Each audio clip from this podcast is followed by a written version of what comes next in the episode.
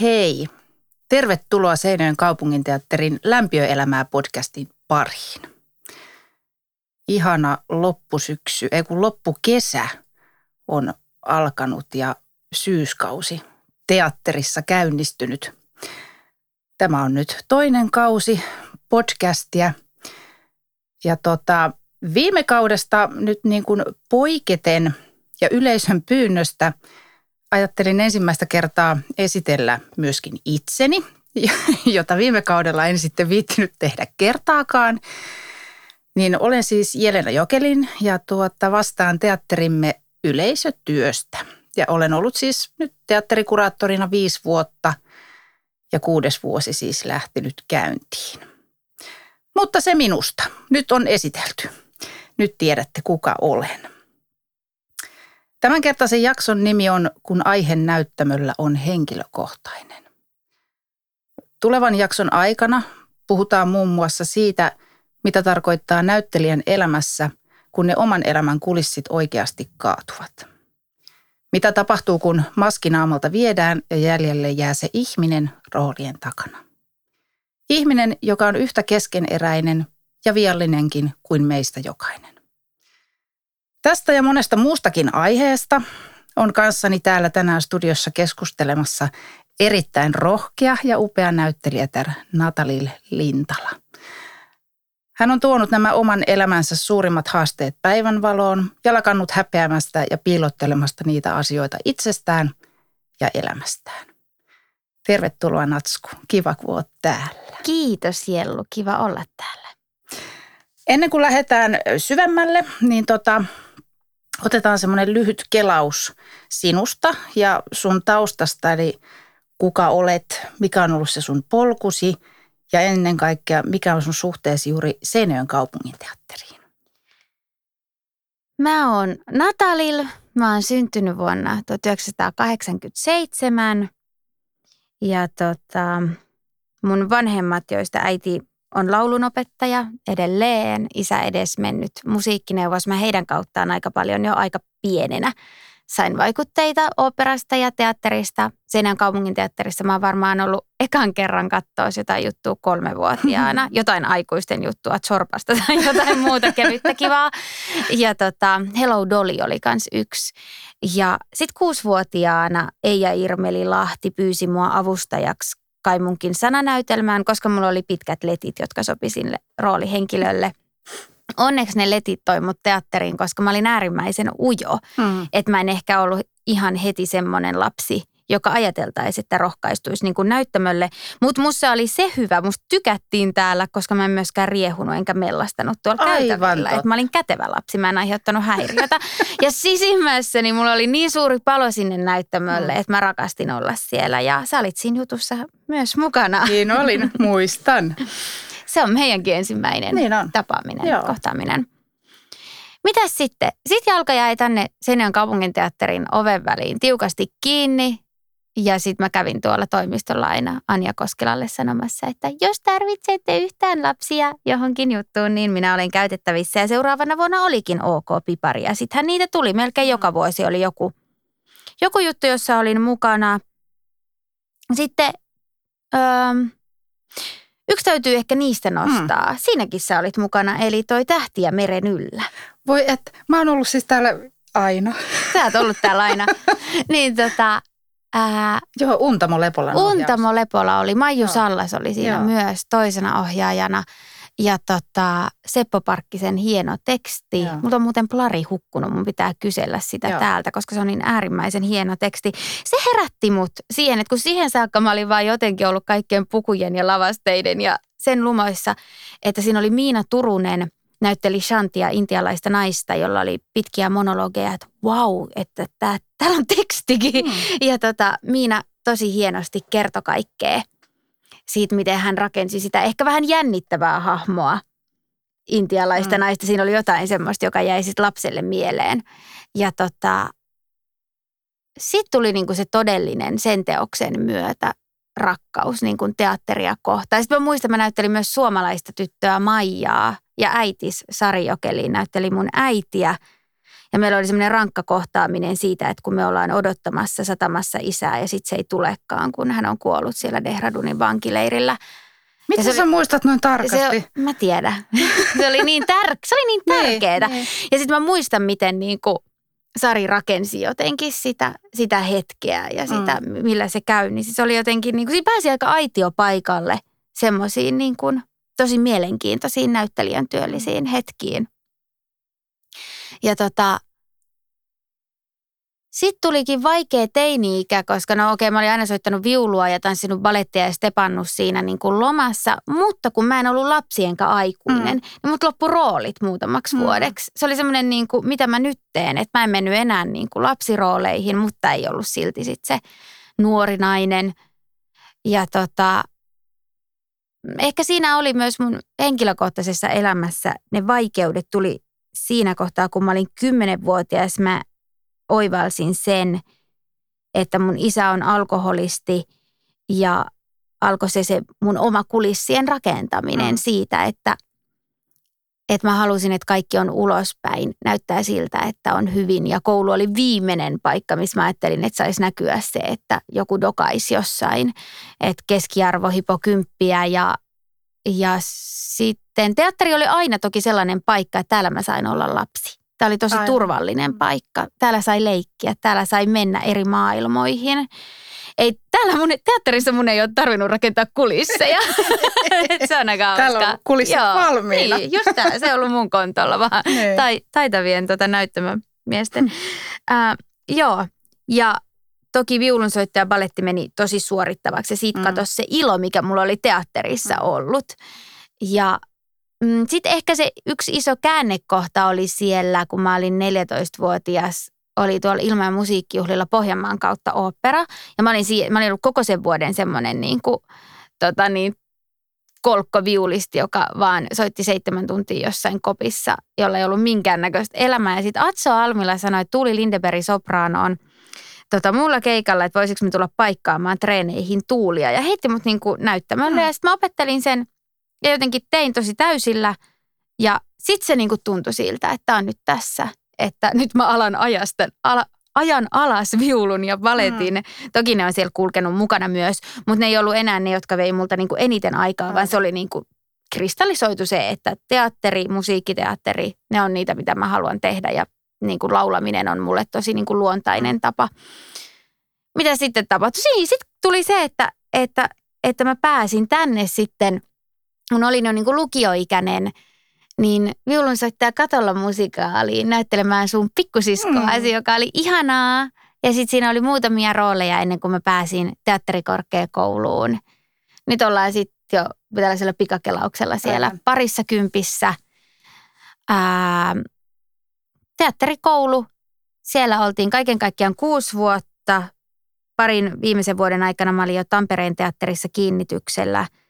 Tein vähän liikaa töitä Mm. oli isoja rooleja nuorelle näyttelijälle, joka ei ollut ehkä kaikkiin rooleihin jotenkin vielä ihan valmis. Ja, ja se oli iso hyppy sinne aika armottomaankin maailmaan Ja siinä se ollut vielä niin, että sit kun sä olit valmistunut, niin sulla oli saman tien niin kuin isot pääroolit ja että se rupesi olemaan niin kuin, Joo, Joo, Joo, siinä oli sitä. paljon kaikkea semmoista siinä heti alkuun. Ja jotenkin tuntuu, että otettiin kaikki irti. niin. Ja vaikka se kuulostaa ehkä hassulta, niin mä olin semmoinen miellyttäjä ja suorittaja siinä kohtaa, että en mihinkään niin kuin sanonut ei. Ja tietyllä tapaa sitten siitä eteenpäin se, että mä sairastuin alkoholismiin, oli mun pelastus, Mm. koska mikään muu ei pistänyt mua polville, paitsi se niin, kuin niin järkyttävä sairaus Mm. että mä en kuunnellut itseäni ja niitä tuntoja, mitä mussa heräs. Mä en osannut olla itseni kanssa. Se kulissi oli niin vahva, että tarvittiin joku äärimmäinen käänne. Eli nyt mainitsit itse sen alkoholismin. Ja Se olisikin itse asiassa nyt ollut se seuraava, mihin lähdetään. Eli se alkoholismi tuli sitten aika, sä olit vielä aika nuori. Joo, mutta selvästi mä en teininä ikinä niin kuin halunnut dokata, enkä mä koskaan halunnut juoda itteeni humalaan. Että se oli just se, mikä siihen liittyy siihen sairauteen, että se Mm. ei ole mun hallinnassa, Niin. vaan se aina tapahtui. Niin, että se tuli vaan jotenkin sille salamyhkäisesti. Tuliko se niinku hiipien sun elämään? Se tuli hiipien. Joo. Joo. Ja sitten yhtäkkiä alkoi tulla se, että se viinan myötä tuli semmoisia raivokohtauksia ja tuli jotain semmoista minua esiin, joka oli mulle itselle täysin vierasta. Mm. Ja sitten se oli niin kuin aivan semmoinen, että kurssikaverit sanoivat, että kuka toi tyyppi on, kun emme tunneta tätä, etkä sä oot tollanen, enkä mäkään tunne. Mutta siellä oli, kun mä olin rakentanut niin tiukalle sen kulissin, mm. niin siellä oli jotain, mitä mä en itse tuntenut ja se alkoi sisältäpäin hajottaa. Aivan. Niin kuin sitä kulissia, mikä oli tietysti hyvä, vaikka se on itselle ja muille aiheuttanut hirveästi huolta ja surua. Mutta tota, ainakin se saatiin sitten 2017 vihdoin ja viimein kokonaan purettua ja, ja tein sen ratkaisun sitten siinä kohtaa. Mä nyt olin, olin ollut jo pitkään Tampereen jälkeen freelancerina ja Kuopiossakin kiinnityksellä ja olisin aloittanut Jyväskylässä, mutta sitten otin itselleni pienen loman Mm. Ja koska piti lähteä, ei voinut niin kuin laittaa sitä perälautaa sinne, Niin. että koska mä haluan mennä näyttämölle, vaan mun piti hoivaltaa se, että elämää on teatterin ulkopuolella. Mä olin ajatellut kaikki kaupungit vaan niin, että Seinäjoen kaupungin teatteri, Vaasan kaupungin teatteri, Jyväskylän kaupungin teatteri. Että tämä maailma pysyy pystyssä, vaikka ei teattereita olisikaan. Mm, se. se oli aika tota, iso havainto.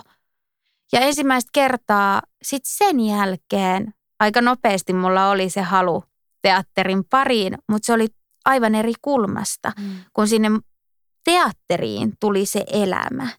Niin kun, ja nyt tuntuu, että mä haluan tehdä näytelmiä elämästä, Mm, enkä mm. teatterin sisältä. Aivan. Mites, tota, miten sun läheiset, huomasiko ne missään vaiheessa siinä vaiheessa, kun sulla oli se vauhti kovimmillaan? Niin totta kai ne näki, mutta tiesikö ne esimerkiksi siitä, että sä vedät sitä niin kuin viinaa? Vai Joo, ei sitä voinut olla Niin. huomaamatta. yrittikö he jotenkin pysäyttää sua? Se on tosi vaikeaa, Niin. koska se on itsensä kieltävä sairaus. Mm. Sehän siitä tekee niin problemaattisen, että, että siihen kuuluu se, että se sairauden tunto on kadonnut. Se defenssi siitä omasta tilasta on niin suuri, että ihminen käyttää kaiken energiansa siihen, Mm. Että eihän mulla ole mitään hätää. Ja alkoholistit on tosi usein loistavia työntekijöitä just sen takia, että ne pitää kaikesta kiinni Mm. kyysin ja hampain, ettei kukaan pääse moittivaan mistään. Et silloin kun mä join, mä en ollut koskaan myöhässä töistä, mutta tänään taisin olla viimeinen tuolla meidän treeneissä, joka tuli paikalle, mutta täpärästi ajoissa. niin, niin. Tota, muistaaksä vielä sen hetken, kun sä tajusit itse, että nyt mä tarvitsen apua? Se, niin kuin se semmoinen tavallaan se pohja, missä sä olit. Ja sit Siis siitä. niitähän oli monta. Okei. Okay. Ja tota, mä oon varmaan niin kuin ekasta humalasta 19-vuotiaana soittanut jo tota niin, semmoiselle vertaiselle, jonka Mm. mä tiesin, että joka voisi mua auttaa. Mutta koska se jotenkin se kuva alkoholistista on niin meidän yhteiskunnassa jotenkin se puistojuoppo, Mm, mm, vaikka meillä on mm. puoli miljoonaa alkoholistia, Aivan. jos suurin osa on työssä käyviä ja perheellisiä ja se ei näy mitenkään ulospäin, niin ja sitten se törmäsi aika paljon siihen, että no eihän sulla nyt se känni kuuluu nuoruuteen. Nämä taiteilijat on tämmöisiä. Se on vähän tämmöistä, niin kuin jotenkin, että kärsimys olisi osa taiteilijuutta. No, kärsiä sain paljon, mutta ei se kyllä niin kuin musta parempaa taiteilijaa tehnyt tai auttanut siinä niin kuin yhtään. Et niitä oli monia ja sitten mä törmäsin myös siihen, että, että sitä pidettiin semmoisena nuoren naisen ailahtelevuutena ja annettiin vähän rauhoittavia lääkkeitä ja muita, jotka vain pahensi sitä addiktiota. Niin, Eli se oli semmoinen suo ja kierre. Vähän kantapään kautta sitten pääsin tuonne Lapualle Minnesota-hoitoon, joka on se lääkkeetön hoito. se. se oli se. mikä sut sitten lähti viemään. Joo, niin sen kautta mä lähdin toipumaan. Ja myös se, että mä en enää halunnut tahdonvoimalla toipua, vaan mä luovutin ja olin tässä ja katsoin rauhassa, mitä tapahtuu. Ja sitten ne asiat asettu. Oliko se pelottavaa? Esimerkiksi Oli. Joku, niin, että lähtee Oli. niin kuin jättää kaikki, lähtee hoitoon, olla toisten armoilla ja sitten miettiä sitä, että niin kuin, paranenko mä? Mä sanoin sinne, kun mä menin, että ei tääkään hoito välttämättä Mm. mua raitista, mutta mä annan sille mahdollisuuden, että sit se on koettu. Aivan. Että mä annan nyt kaikille mahdollisuuden ja katsotaan, mutta että mä en ole uskonut siihen, että Aivan. se olisi mahdollista. Ja tota, mä laitoin yhdelle tutulle viestin, että tämä on nyt varmasti kova paikka, että menen tonne, että tämä on varmasti semmoinen maanpäällinen helvetti, mihin mä oon nyt menossa. Mutta sitten kun mä menin sinne hoitoon, niin mä tajusin, että ei kun mä olin ollut koko ajan siellä maanpäällisessä Mm. helvetissä. Ja sitten kun mä ymmärsin vertaisten kautta sen, että aika moni muukin on käynyt tämän saman läpi, että en mä ollutkaan yksin tässä omassa kärsimyksessä, Niin. vaan tämä on paljon yleistä, yleisempää kuin mä oon luullut ja että todellakin, että tästä voi toipua.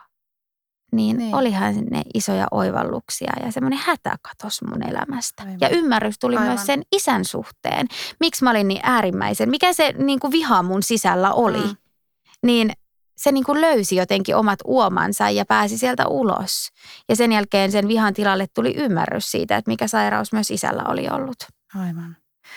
Ja sitten kun ihmisillähän on nimenomaan se ennakkokäsitys, että tuollaiset hoitolat, parantolat, niin siellä on juuri nämä niin sanotut puskajuopot kaikki. Mm, mm. Mutta siellähän on nimenomaan suurin osa on näitä töissä käyviä perheellisiä ihmisiä. Just näin. Että sä oot sillä tiellä. Sillä tiellä ollaan. Joo. Mitäs sitten, sittenkö tuli tämä oma elämänkerrallinen näytelmä? Kyllä. Lähtikö se niin kuin siellä syntymään vai, vai mikä oli se, Se, se kimmoke? meinas lähteä. Mä olin aina siellä koko ajan päässä alkoi raksuttaa joku näytelmä, mutta sitten mä olin, että nyt sun suurin työ on saada tämä jatkuva niin kuin, työn tekeminen pois. Mutta kieltämättä siellä oli se pilkahduksia jo, että kyllähän tästäkin näytelmän saisi. Ja tota, kyllä se oli sitten 2018 puolella sentään, kun mä aloin oikeasti tammikuussa kirjoittamaan aika fragmentaalisesti, taarisesti, miten se taipuu, tota, niin kohtauksia, mitkä olisi mun mielestä niin kuin hauskoja. Mm. Siitä piti tulla semmoinen alkoholismikomedia, jos tyyliin on jotain ihmisiä vertaistukiryhmässä ja sitten siellä on Jumala, joka on itsekin alkoholisti, koska hän loi ihmisen omaksi kuvaksi. Ja se on aika sellainen, niin kuin, oli se ehkä jopa farssimainen tapaus, joka sitten niin kuin tajus käytännössä, kun sitä lähti tekemään, että, että tämä on sen verran vakava aihe, että ehkä mä en voi tästä farssia tehdä, mutta se oli oma, sit- omaa prosessia Aivan. siinä kohtaa.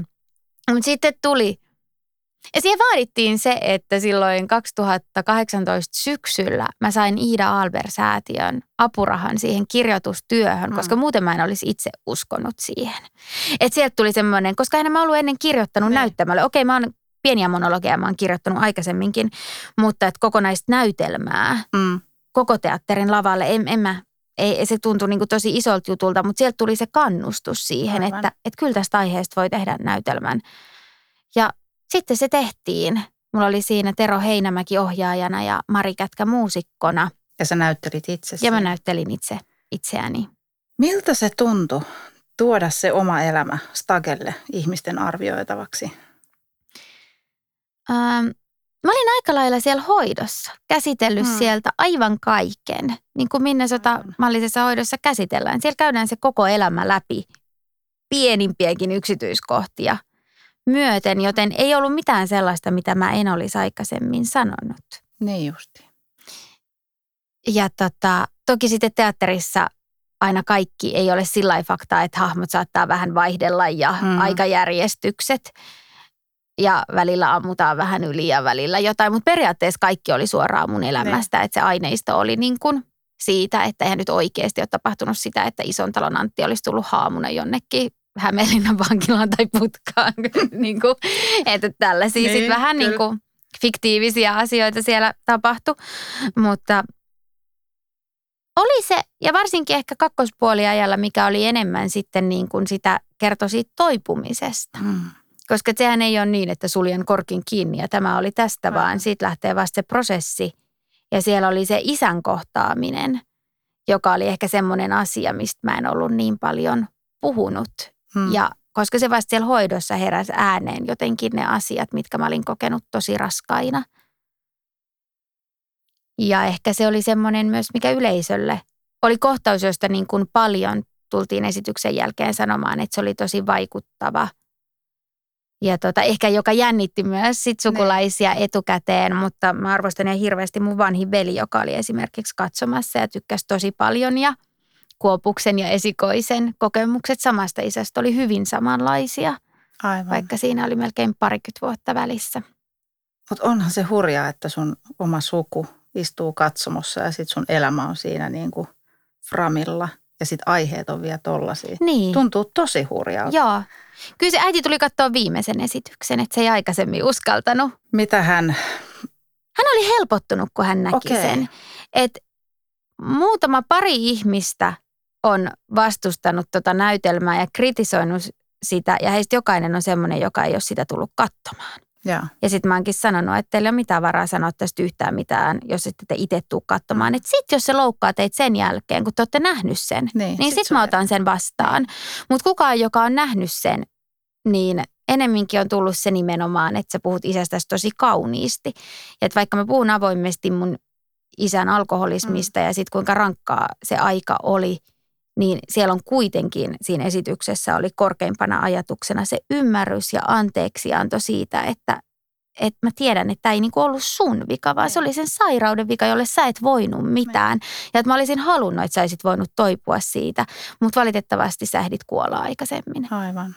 Ja rakkauttahan se ei vähennä. Ei. Et se rakkaushan Ei. siellä on joka Joo, tapauksessa. ja niin va, vain ja ainoastaan alkoholismista avoimesti puhuminen ja näiden asioiden käsittely mahdollisti mulle sen rakkauden löytämisen Mm. uudelleen. Aivan. Se ei olisi ikinä voinut tulla, että en mä pystyisi tällä hetkellä mun pojassani näkemään mun isääni, jos ne asiat olisi jäänyt niin kuin.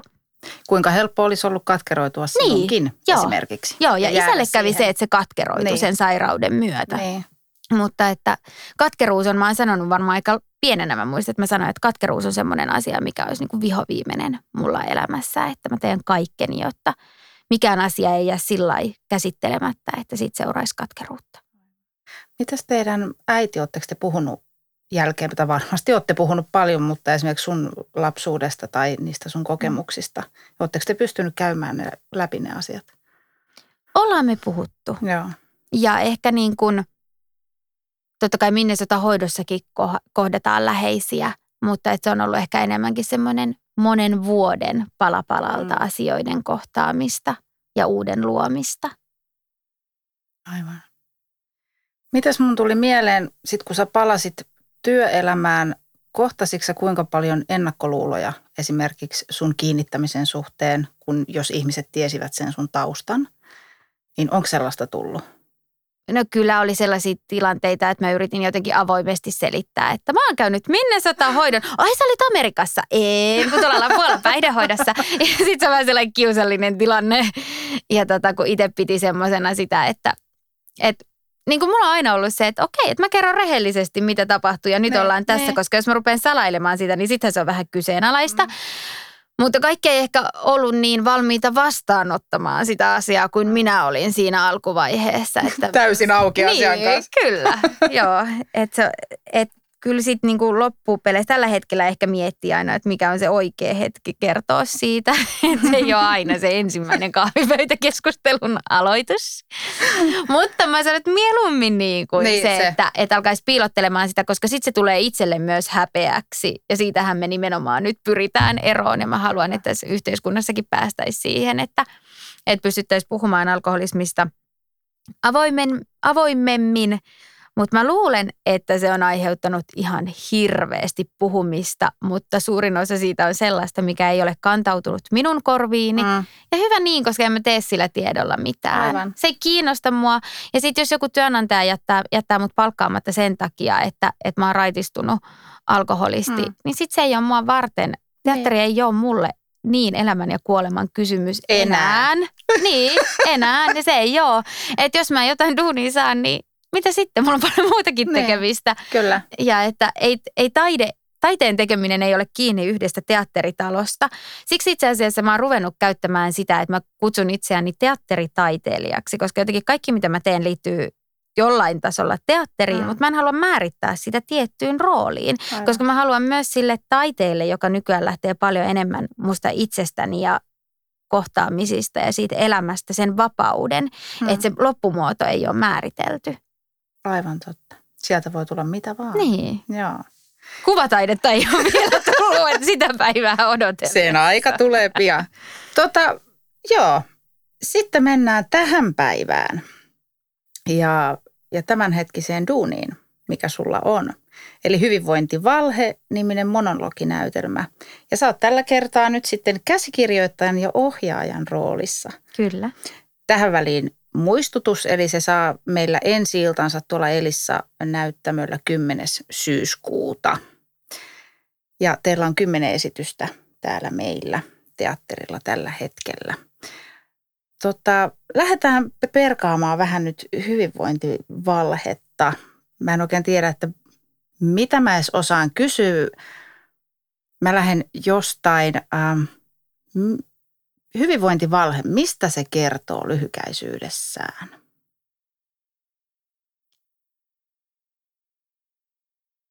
Yhdellä sanalla se kertoo ulkoaohjautuvuudesta, joka tarkoittaa sitä, että ihmisen oma identiteetti on kadonnut tai sitä ei ole rakentunut ollenkaan.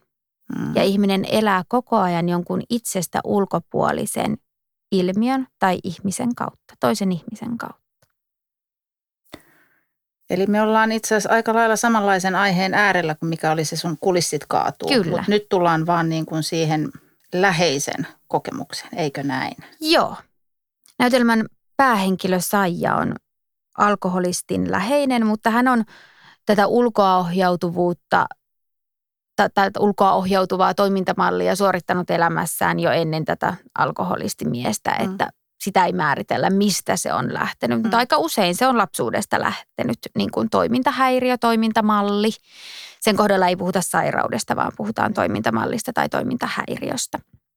Ja sitten näytelmän alussa roolihenkilö Saija on alkoholistin puoliso ja yrittää rakentaa näitä kulisseja. Mm. Hän nyt sitten taas, taas on näitä kulisseja ja kulissien kyllä, kyllä. kaatamista, mutta vähän eri tavalla. Mm. Ja Saija on täysin siis fiktiivinen hahmo. Niin, niin. Et toki asioita, mitä siellä on, niin jostainhan se käsikirjoittaja ne aina kehittää ja tempasee, mutta että se ei ole suoraan minun tai ei varsinkaan minun äitini tarina. Että. Niin, aivan. Ja sitten Saijalle Saijan lapsetkin aikuistuu ja alkaa lähteä pois kotoa. Saija on ensiavussa sairaanhoitajana ja hän on aina lapsena päättänyt, että hän haluaa hoitaa muita, mm. koska siitä tulee hänelle hyvä olo niiden muiden ihmisten kautta. Mutta sitten kun mies mokoma menee ja raitistuu ja lapset kasvaa aikuiseksi ja hän ei olekaan enää niin tarpeellinen, niin sitten mm. se pakka on sekaisin. Ja siinä on ihan mahtava lisä, mikä on niin tätä päivää, on tämä some-maailma. Joo joka muhu jotenkin kolahti heti, kun se on ihan tätä hashtagia. Ja siellähän se nimenomaan, kun se on niin ilmiselvää se, että kuinka kauniit kulissit pystyy rakentamaan esimerkiksi mm. johonkin somemaailmaan. Kyllä. Ja sitten, että mitä se on versus se todellisuus. Joo. Niin tossa se kyllä tuodaan niin, kuin niin jotenkin. Kyllä sitä moni somettaja käyttää pari tuntia siihen, että mm. tekee täydellisen aamukahvin ja ottaa sen kuvan siitä. Ja Kyllä. täyskaos on sitten ympärillä ja kukaan ei ole kohdannut toistaan sinä aamuna siellä niin kuin perheen sisällä. Tota, Sitten mennään vähän siihen sun, sun rooliin nyt tässä prokkiksessa ohjaus. Onko tämä nyt esikoisohjaus? Tämä on mun esikoisohjaus. Miltä tuntuu? No tämä on nyt meidän toinen treenipäivä. Tuolla vielä ollaan tuolla Verstaalla ja sitten sieltä päästään Elissaan. Mä oon jotenkin tosi innoissani ja tänään kävi se, mikä ilmeisesti kaikille ohjaajille, että mä menisin pyörtyä, kun mä unohdin syödä. et eikö, eikö, jollain tapaa mä alan vaikuttaa ohjaajaa. joo, joo, joo, joo. Mutta joo, siis tosi mielenkiintoista. Öö, mä olin aika kuplassa silloin keväällä, kun kirjoitti ja rupesi ohjaamaan omaa tekstiään niin kuin mielessään, kunnes sitten meidän äänisuunnittelija Teemu Vuorelan kanssa päästiin käymään niitä äänimaailmoja läpi ja sitten sinne tuli vähän ilmaa ja vuorovaikutusta mm. jonkun toisen taiteilijan kanssa, niin se oli kyllä tosi inspiroivaa ja se äänimaailma on aika, aika vahva nyt tässä pitkin esitystä. Teen sellaisen paljastuksen. Kyllä, niin kyllä. tota, on kyllä innoissani. Siis siinä on hauska lisä, kun tulee tänne tuttuun taloon, niin kuin missä on samoja kasvoja kuin ihan lapsena. Niin. Kohta melkein 30 vuotta sitten. Kyllä. Niin tota, se on hauska sitten jutella, niin kuin esimerkiksi Hannu Rajaahon kanssa tuossa tänään aamulla, kun käytiin kaikki valoleikkauksia läpi. Tuli sinne hassu olla, tossa toi nyt on, mä vähän pelkäsin sitä lapsena, mutta nyt niin kuin, mietitään sen kanssa näitä iskuja. Nyt mä tässä tasavertaisena. Ja... Nyt me jutellaan tässä näistä iskuista ja, ja kyllä sillä aika kova ammattitaito on, mutta tosta toi se vaan heittelee tollasta, että Aivan. jotenkin tosi palkitsevaa ja semmoista niin kuin kiitollista ja hmm. iloa tuottavaa tekemistä, vaikka aihe onkin hmm. raskas ja rankka. Sulla on näyttelijänä siinä meidän näyttelijä Mia Vuorela. Kyllä. Ja teillähän on myöskin pitkä yhteinen historia. Te olette tehnyt prokkiksia yhdessä. No se oli tämä kuuluisa viulunsoittaja katolla, missä me olimme kolme vanhinta sisarta, sinä, minä ja Mia. Että. Aivan. Miltä, miten teidän, se mikä mua kiinnostaa on se, että kun te olette tosiaan ollut aiemmin näyttelijäkollegoita ja nyt sinä olet yhtäkkiä ohjaajan roolissa, niin onko ne soljahtanut ne roolit teille hyvin vai työskenteleekö siellä niin kuin kaksi näyttelijää tällä hetkellä? Mm, kyllä mä huomaan, että mennään välillä lipsua sinne näyttämän puolelle itse. niin kuin, että yritän pitää siitä kiinni, että se on nyt Mian valtakuntaa. Siinä oli lappu laitettukin, että mm. vain Mia. mutta se oli ehkä aina niiden naarmujen kannalta, mutta mä otin sen myös itselleni. Kyllä. mene siihen. Ähm, kyllä mä tietyllä tapaa niin kuin otan sen semmoisen selkeän ohjaaja roolin, koska näyttelijä ansaitsee ohjaajan. Niin, niin. Että tota, toki me paljon ollaan jo pitkin kevättä ja kesää keskusteltu ja mm. juteltu ja se lähtee semmoisesta eh, niin kuin ehkä myös ystävyydestä ja mm. toiseen luottamisesta ja, ja siitä, että haluan saada kollegansa näyttämään lavalla hyvältä. En Aivan. tarkoita, etteikö hän olisi loistanut aiemmissa rooleissaan. Mutta Tamian eka monologia haluaa tehdä Ei. Niin. kaikkensa siihen, että kun on huikea näyttelijä kyseessä, että hän saa niin kuin semmoisen materiaalin Aivan. ja maaston, mikä on niin kuin – missä hän pääsee jotenkin oikeuksiinsa ja parhaimmillensa ja, ja tota, kun Miasta lähtee vaikka mitä. Niin, niin. niin tota, mutta joo, kyllähän siellä niin kuin ohjaajan tehtäviin kuuluu pitää se pakkakasassa ja, ja antaa näyttelijälle semmoinen turvallinen maaperä luoda ja tulkita ja, ja työskennellä. Että ohjaaja ehkä konkreettisemmin pitää siellä niitä raameja ja antaa niitä, ruokkii niitä mene tonne, tee. Ne. Tai niin kuin semmoisia, missä ne. näyttelijä saa kiinni ja sitten sit silloin siellä se vapaus. Aivan. Teillä oli yksi tosi jännä, mistä eilen kuulin, mitä viime sunnuntaina tapahtui. Te, se oli niin kuin, että puhu, nyt en osaa puhua, liikekielestä ja nimenomaan sen roolihenkilön liikekielestä puhuitte. Niin kerro vähän, mitä sunnuntaina siis tapahtui. Joo, ähm, ehkä oma tanssitaustani tekee sen, että tota, lähdin myös ohjaamaan aika liikkeen kautta ja siellä on erilaista tanssia tullaan näkemään myös esityksessä. Ja sitten se, mihin mä halusin vähän apuja, oli, että mitä voi olla semmoinen liike, mikä liittyy tämän roolihenkilön siihen rakentumattomaan tai hajonneeseen identiteettiin. Koska meidän on tanssiin helppo rakentaa muotoa ja symmetriaa ja ja semmoista opeteltua, vähän niin kuin sinne someen tai mm. kotiin voi rakentaa kaikkea. Mutta mitä se on se joku semmoinen, mikä, mikä saattaisi jostain pulputa välillä, mutta että se olisi aika tiedostamatonta ja ja tutustuin tuossa kesällä aivan upeaan Aisha Korpelaan, jolla on Studio Murros. Ja hän, on, hän tekee siis tanssia liiketerapiaa. Ja pidettiin tämmöinen workshoppi sitten Aishan kanssa sunnuntaina, Mia, minä ja Aisha. Ja käytiin aika syvissäkin vesissä, eikä mm. keskusteltiin ja sitten tehtiin erilaisia harjoitteita ja, ja mä tein näitä, itse näitä harjoitteita myös ja voin kertoa nyt siitä omasta kokemuksestani. Oli se, että, että mitä esimerkiksi on autenttinen liike ja mun eka reaktio oli se, että onko sellaista, mm. että, että jos mä lähden tuottamaan jotain liikettä, niin ainahan mä jotenkin on tosi tietoinen ja – ja että jos mä menen yksin huoneen keskelle ja, ja pyrin jotenkin olemaan mahdollisimman autenttinen, niin, niin kuin miten mä löydän sen. Ja sitten sen semmoisen niin kuin luottamuksen ja turvan kautta ja myös sen kautta, että sano pelkonsa ääneen. Mm. Oli tarpeeksi turvallinen. Ei tarvinnut, kun näyttelijällä helposti saattaa olla, mulla ainakin on ollut vuosikaudet semmoinen, että, että mä teen kaikki roolit mahdollisimman niin kuin isosti ja paljon ääntä ja mm. paljon liikettä ja paljon energiaa, joka on niin kuin myös defenssi, epävarmuutta niin kuin mun osalta – että pystyikin sanoa yhtäkkiä, että ei mua pelottaa tämä harjoite. Että tämä on, tää on tosi kova paikka nyt mulle. Ja lähteekin sieltä tosi pienestä ja herkästä ja intiimistä. Se oli tosi mielenkiintoista ja tosi voimaannuttava kokemus. Mm. Se oli tosi makeeta mun mielestä että sä teit myös nämä kaikki harjoitteet. Että te ette lähtenyt siitä, että vaan Mia lähtee etsimään Joo, sitä. ehdottomasti mm. se oli siis mulle itsestään selvää, että mä teen myös, koska se ei saanut missään tapauksessa olla Mialle paikka, missä hän niin. esiintyy ja mä kirjoitan sieltä. Aivan. Että tuo toimi, tuo ei, vaan että, että se oli semmoinen matka, jossa oli turvallista kaikkien olla ja kaikki teki omaa matkaa. Ja, Aivan. ja siitä jäi semmoinen niin kuin – kyllä se tulee näkymään meillä konkreettisestikin, mutta myös semmoisena yhteytenä ja tunteen tasolla, että mm. siellä on joku, jossa on käyty yhdessä. Aivan totta. Kokemus. Sä pikkasen tuossa puhuit siitä musasta, Joo. niin pystytkö sä yhtään enempää raottaa?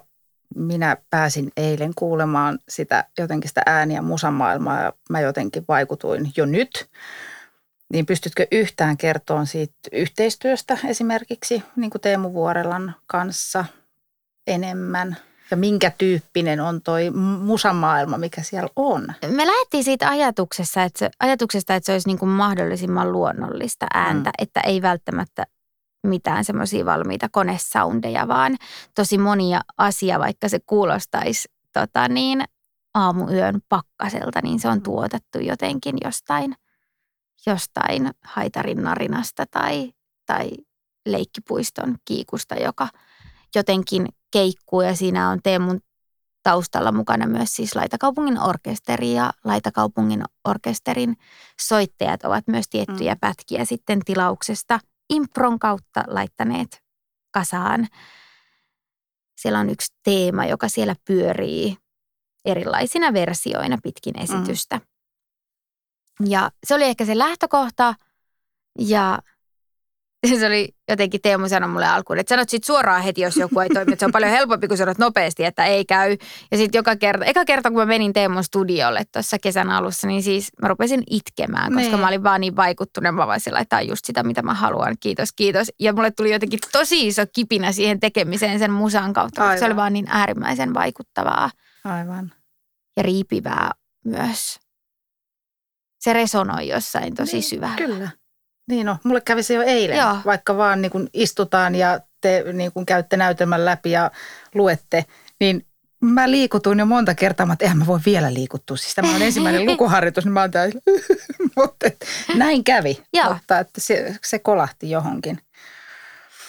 Tota, vielä hyvinvointivalheesta sen verran, että mikä sai sut tarttumaan näihin teemoihin uudestaan nyt vielä kerran? Esimerkiksi tämä päihteet ja läheisriippuvuudet ja nämä? Ähm, no kun mä mietin silloin viime syksynä, että kirjoitaks mä Kulissit katuu kakkosen mm. ja teen siitä niinku uuden version, koska se oli jotenkin sen jälkeen, kun mä palasin äitiyslomalta esittämään kulissit kaatuu, mun oli jotenkin tosi vaikea suhtautua siihen. Se tuntui jotenkin tosi raskaalta, raskaalta ja mm. niin kuin pakotetulta. Ja sitten myös jotenkin niin kuin, kokonaisuutena tuntuu, että nyt tää, tätä on esitetty tarpeeksi, että on aika siirtyä eteenpäin. Ja, mutta siinä tematiikassa oli paljon semmoista, mikä mua kiehtoo. Ehkä se on niin kuin riippuvuussairauksissa just se, kun ne on niin kompleksisia. Mm. Se sairauden kieltäminen ja, ja myös se niin kuin läheisenä, että miten se läheinen oireilee ja huomaako kukaan sitä, että mistä kaikki johtuu, että miten se alkaa Ei. sitten näkyy työpaikalla, miten se työpaikka oireilee ja tota, ja toki niissä on myös sitä niin kuin huumoria, hyvin mustaa huumoria sitten tulee siihen. Että se on sellainen maaperä, mistä musta tuntuu, että, että on niin kuin mielenkiintoista löytää tarinoita ja niistä, se on, niistä on tärkeä puhua, koska mm. ne on niin tunnistettavia, Kyllä. mutta me vaietaan niistä niin usein. Mutta ei se ole mikään semmoinen, että aion seura- kirjoittaa nyt kymmenen näytelmää käsitellen tätä Aina pikkasen eri puolelta. että tota, Joo, nyt kirjoitetaan tästä kulmasta. Ja toki tässä esityksessä nimenomaan on paljon muutakin niin. kuin tätä läheisen kokemuksia ja ulkoa ohjautuvuutta, että monia muitakin maailmoita, että se on mm. niin kuin yksi semmoinen sävy Kyllä. siellä muiden joukossa. Kyllä. Loppuun yksi kysymys, jonka mä kysyn kaikilta mun vierailta. Mm. Ää, mitkä on sun ammatilliset unelmat? Saat toki sanoa myös henkilökohtaisia, mutta ennen kaikkea nyt sitä niin kuin... Ammatillisia. Niin. Mitä kaikkea vielä haluaisin ehkä? Ähm, mä haluaisin ohjata musikaalin. Oh. Joo. Joo. Sitten mä haluaisin hioa, kun mä mulla on aika monia tapoja käyttää mun ääntäni niin kuin laulajana. Mm-hmm. Niin tota, mä haluaisin hioa mun semmoista lyyristä sopraanopuolta ja tehdä jonkun ison orkesterin kanssa jotain tosi villiä. Semmoista, joka on siis niin kuin taiteellisesti korkeatasoisen haastavaa ja äänenkäytöllisesti joo, semmoinen, mm. mitä, mitä voisi niinku treenata viisi vuotta ja sitten se olisi niinku valmis. Mä olisin jonkun semmoisen ison sinfoniabändin kanssa tehdä. Ja sitten tota, ää, ja sitten mun ammatillinen haave on se, että, että mä saisin villasukissa hiippailla mun kotona, kiertää ympyrää ja että mä voisin työskennellä niin, että mulla olisi aina kolme kuukautta ainakin aikaa hiippailla ja ja kerätä sitä, mitä mulla olisi annettavaa, jotta sitten kun mä menen yleisön eteen tai kirjoitan tai muuta, mm. että sitä materiaalia on tarpeeksi. Että se tuottamisen mm. paine ei olisi niin. koskaan. Että tota, ehkä si- siitä se johtuu, että mä haluan to, niin työskennellä yrittäjänä tällä mm. hetkellä, koska se antaa, sit voi tehdä välillä vähän muita asioita, jotta sitten ehtii siihen taiteeseen kerätä sitä mm. tarvittavaa ja sitten kokee, että se on niin kuin ehyttä ja valmista. Niin Ehkä tämä liittyy sitten myös vähän, että kun on pieni lapsi, niin sitä hiippailuaikaa ei kauheasti ole, mutta että sitä ehkä tulee tulevina vuosina taas sitten vähän lisää, niin mm. hiippailuaika. Ensinnäkin tosi makeat unelmat. Nyt mun on pakko sanoa havainto, minkä tein sun unelmista. No. Yhdessäkään ei ollut niin, että olisin näyttelijänä jossain. No se on jo vähän se orkesterin kanssa, mutta sekin olisi enemmän sitten niinku niin se laulu. laulu. Jännä havainto. Joo. Se, että kun se näyttelijä on sussa ollut aina niin, niin kuin voimakkaana ja ykkösenä, niin nyt yhtäkkiä. Mm. Tämä ei tarkoita sitä, ettenkö mä haluaisin niin. näytellä. Mä oon sopinut myös näyttelijä niin. niin kuin ensi kesänä pitäisi esimerkiksi Valkeakoskella tehdä Aira mm. Samulin mm. musikaalia ja mä odotan sitä tosi innolla. Mutta ennen se oli näyttelijä Natali Lintala. Niin. Se oli jotenkin niin kuin tosi semmoinen minua määrittävä juttu. Ja jos mä mietin sitä, miten mä tykkään tehdä teatteria, niin se on itse asiassa täällä Seinäjoella toteutunut eikä parhaimmiten tuolla kauppakadun päädyssä, kun mä olin lapsi ja mä ohjasin ja keksin naapurin lapsille juttuja. Aivan. Ja se nyt oli osittain leikkiä, mutta me esitettiin siis niitä osittain leikkiä, kun tehtiin lapsena esityksiä. Olipa raasti sanottu. Siis se oli täysin leikkiä, mutta mä otin sen tosi tosissani ja niitä esitettiin naapureille – mutta siinä tekemisen tavassa oli jotain semmoista, millä tavalla mä tykkäisin työskennellä. Ja se, en mä välttämättä niin kuin nyt, jos mä olisin 18 ja miettisin, mitä mä haluaisin mm. opiskella, niin en mä ollenkaan varma, hakisinko Ei. mä niin kuin opiskelemaan näyttelijäksi. Vai opes, haluaisinko mä opiskella enemmän nimenomaan musiikkia tai ohjausta tai tai dramaturgiaa. Että ei, ei se, niin, ehkä se, se ei ole niin vahva enää se tavallaan oma halu näyttää näyttämölle. Makea, että sulla on jotenkin avautunut toi maailma. Joo. Joo. Ja itse asiassa mä, mä oon aika huono näyttelijä. Siis mä en ah. koe, että mä oon siinä niin kuin omimmillani, että parempiakin löytyy. Hyvä myyntipuhe niin, täällä mä laulan hyvin, niin, mutta niin. mä oon tosi kökkö replikoimaan. Tähän on tosi hyvä lopettaa. Joo. Tota, Kiitos ihan mielettömän paljon. Kiitos itsellesi, kun, kun sain tulla. Joo, tsemppiä teille harjoituksiin. Ja ensi ilta on sitten 10. päivä syyskuuta. Ja tässä ei ole kun ne, neljä, mä en osaa laskea nyt yhtäkkiä, nyt on 11. Mm. päivä. Nelisen viikkoa, niin sitten tärähtää ilmoille spektaakkeli. Mutta näihin kuviin ja tunnelmiin päätän tämän jakson, kunnes jälleen Heippa!